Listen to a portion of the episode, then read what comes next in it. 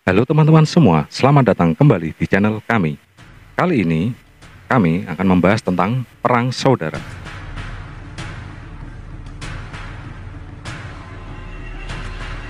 Nyataannya memang begitu. Perang terjadi ketika kata-kata tidak lagi mampu menjadi jembatan di antara dua pihak. Akhir-akhir ini, makin banyak peperangan terjadi dan entah berapa banyak jiwa melayang dibuatnya. Sebut saja Palestina dan Suriah, dua kawasan konflik yang paling menyita perhatian dunia saat ini. Banyak spekulasi bermunculan tentang penyebab perang-perang itu terjadi. Perundingan-perundingan dilakukan, toh nyatanya perang tetap berlanjut. Selain perang dunia yang melibatkan banyak negara, ada juga perang saudara. Mungkin terdengar lebih kalem karena ada kata saudara, tapi perang-perang saudara ini tak kalah mematikan dari perang dunia. Biasanya, perang saudara muncul karena perebutan kekuasaan atau kendali atas negara. Dilansir dari The National Interest, inilah lima perang saudara paling brutal sepanjang sejarah.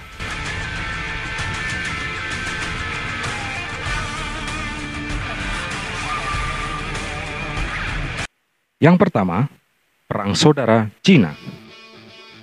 Pada tahun 1927 sampai 1950, Tiongkok pernah dilanda perang saudara mematikan.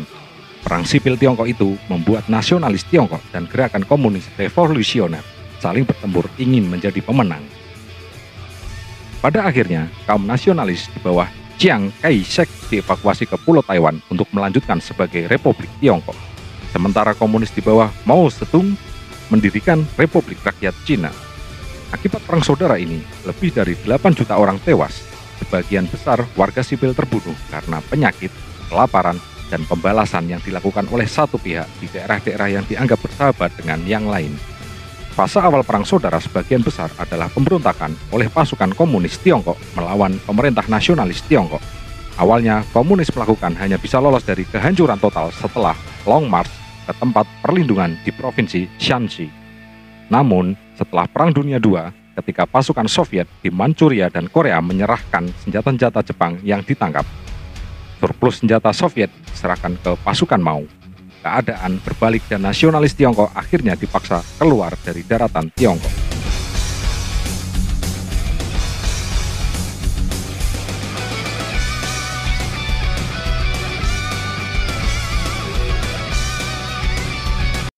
Yang kedua, Perang Korea.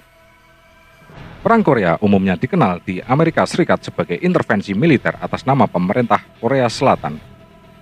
Tetapi secara luas dapat dianggap sebagai perang saudara yang secara teknis masih belum berakhir. Pada akhir Perang Dunia II, Korea telah dipartisi menjadi dua negara yang terpisah. Korea Selatan didukung oleh Amerika Serikat dan PBB, dan Korea Utara didukung oleh China dan Uni Soviet tentara rakyat Korea Utara di bawah diktator Kim Il-sung melintasi perbatasan internasional pada tanggal 25 Juni 1950 dengan maksud untuk mempersatukan negara. Perang itu memicu intervensi oleh pasukan Amerika, China, dan Soviet. Perang itu sangat mematikan dengan beberapa juta tewas di semenanjung Korea. Kerugian militer dalam perang diperkirakan 70.000 jiwa oleh Republik Korea, 46.000 jiwa oleh Amerika Serikat, dan satu juta jiwa pasukan Korea Utara dan Cina tewas, 600 ribu jiwa dalam berbagai aksi, sementara 400 ribu jiwa lainnya karena penyakit. Hampir satu juta orang Korea Selatan meninggal selama perang, atau hanya di bawah 5% dari populasi. Korea Utara yang mengalami pemboman udara hebat oleh pasukan sekutu menderita sekitar 1,5 juta orang terbunuh, 10-15% dari keseluruhan populasi. Persentase kerugian tersebut melebihi kerugian yang diderita oleh Uni Soviet dalam Perang Dunia II.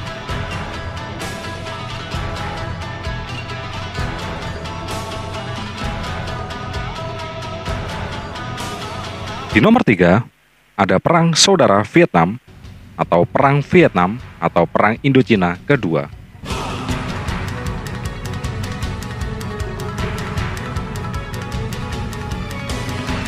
Pemisahan Vietnam tahun 1954 menjadi dua negara membuat upaya penyatuan kembali tak terhindarkan, terutama ketika satu pihak dijalankan oleh pemimpin pasukan gerilya yang sukses. Kombinasi dari seorang pemimpin Vietnam Utara oleh Ho Chi Minh, orang yang telah memaksa Prancis keluar dari negaranya, dan penduduk Vietnam Selatan yang gelisah yang dipimpin oleh pemerintah yang korup membuat kondisi yang matang untuk perang saudara. Hingga 1968, perang itu dilancarkan oleh Vietnam Selatan, Amerika Serikat, dan sekutu lainnya melawan gerilyawan Vietcong dan pasukan reguler Vietnam Utara. Serangkaian operasi penyerangan pada masa Perang Vietnam yang disebut Serangan Tet pada Januari 1968 menghabiskan Vietcong sebagai kekuatan militer dan Vietnam Utara terus berperang hingga kemenangan pada 1975. Korban tewas mencapai satu setengah juta di semua pihak 300 ribu personel Vietnam Selatan, dan hingga 1,1 juta personel Vietnam Utara.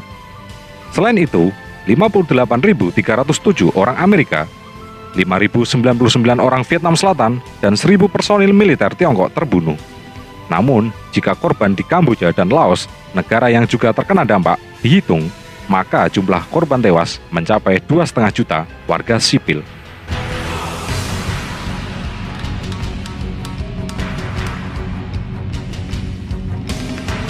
Yang keempat, Perang Saudara Kongo.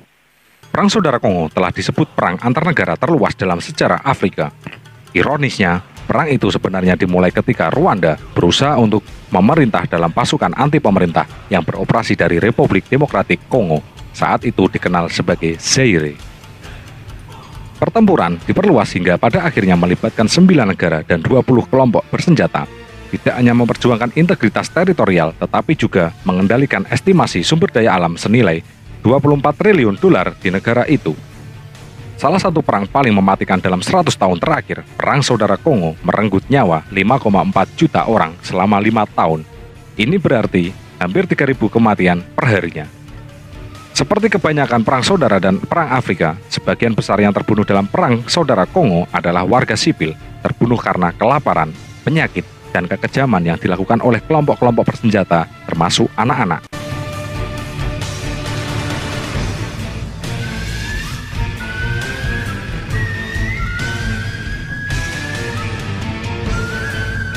Yang kelima, Perang Saudara Nigeria.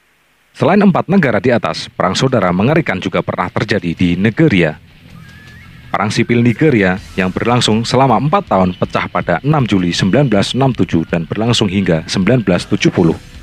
Orang-orang Igbo dengan pemerintah militer Nigeria dan status kelas 2 dalam masyarakat Nigeria memisahkan diri dan membentuk negara merdeka Biafra. Sebagian besar komunitas internasional mendukung Nigeria dan dengan bantuan mereka, pemerintah militer dapat menangkap Port Harcourt, outlet Biafra ke dunia luar dan mengambil kembali daerah penghasil minyak yang mungkin menjadikan Biafra negara yang layak. Sekitar 30 ribu warga Biafra terbunuh dalam pertempuran yang sebenarnya, terisolasi dan dimiskinkan oleh kurangnya pendapatan minyak, sementara sekitar 2 juta lainnya meninggal karena kelaparan dan penyakit. Pada 11 Januari 1970, Biafra dipaksa untuk menyerah dan masuk kembali ke Nigeria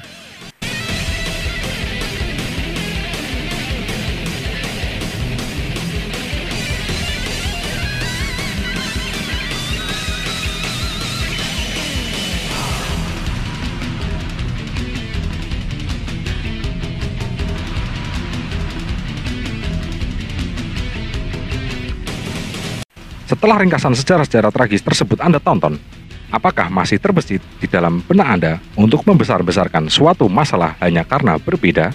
Yakin, perdamaian di negeri yang mempesona ini masih ingin Anda tukar dengan peperangan yang dapat melulu lantahkannya. Terimalah perbedaan tersebut karena hakikatnya itu adalah bukti eksistensi Tuhan. H.S. Al-Hujarat 13